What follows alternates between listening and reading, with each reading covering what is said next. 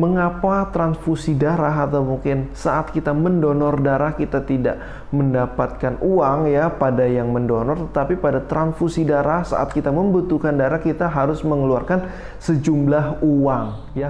Jadi...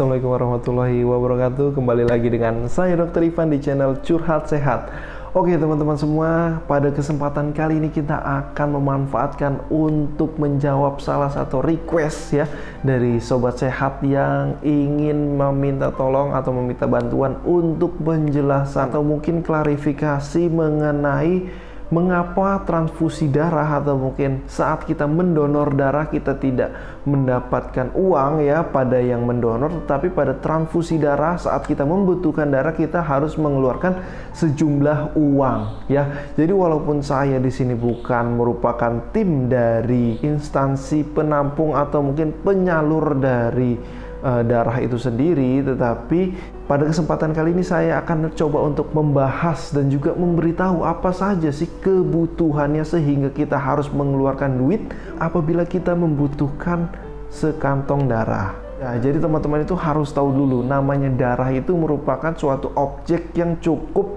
uh, sensitif ya terutama apabila di sini digunakan untuk transfusi atau mungkin uh, diberikan kepada seseorang yang membutuhkan darah. Karena apa? Karena pada darah ini bisa menyebabkan beberapa penularan infeksi ya, yang memang merupakan infeksi yang menular lewat darah.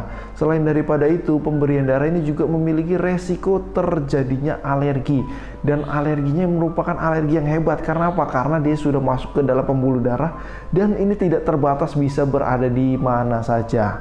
Ya, maka dari itu ada sebuah mekanisme ya dari instansi-instansi yang menampung dan juga menyalurkan darah untuk memastikan bahwa darah yang ditampung dan juga darah yang diberikan itu adalah darah yang layak dan juga aman bagi penerima darah itu sendiri.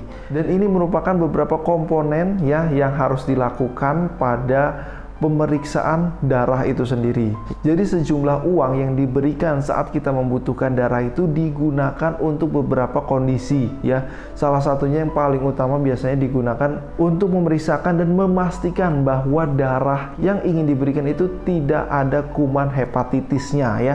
Baik itu hepatitis B, baik itu hepatitis C. Selain daripada itu darah juga diperiksa untuk menyingkirkan kemungkinan adanya penyakit lain seperti HIV, sifilis dan mungkin lain sebagainya ya. Jadi uh, sebenarnya buat kalian tidak perlu ragu untuk masalah keamanan darah yang diberikan kepada penerima darah karena biasanya untuk masalah beberapa penyakit yang bisa menular lewat darah itu sendiri sudah di screening atau mungkin sudah dipastikan bahwa darah itu aman.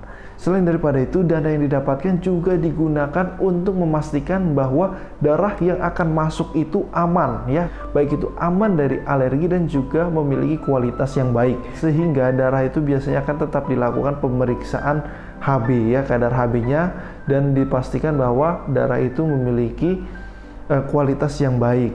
Selain daripada itu, darah juga akan dilakukan pemeriksaan golongan darah, habis itu dilakukan pemeriksaan cross match ya, yaitu untuk memastikan bahwa uh, darah yang akan diberikan ini sesuai dengan kondisi kebutuhan dan juga sesuai dengan kondisi darah yang sebelumnya ada pada penerimanya. Sehingga tidak terjadi alergi atau mungkin hal-hal lain yang tidak kita inginkan. Ya, jadi itu adalah beberapa pembahasan mengenai kenapa saat kita ini donor kita nggak dapat duit ya. Tetapi kalau misalnya kita butuh darah kok kita harus mengeluarkan duit ya jadi itu pembahasannya. Dan kalau misalnya ada yang bertanya berapa jumlah duit yang harus dikeluarkan itu berbeda-beda mungkin ya tiap tempat. Tetapi yang saya ketahui di salah satu instansi milik pemerintah yang ada di Sumatera Selatan itu setidaknya membutuhkan sekitar 360 ribu untuk setiap kantung darahnya.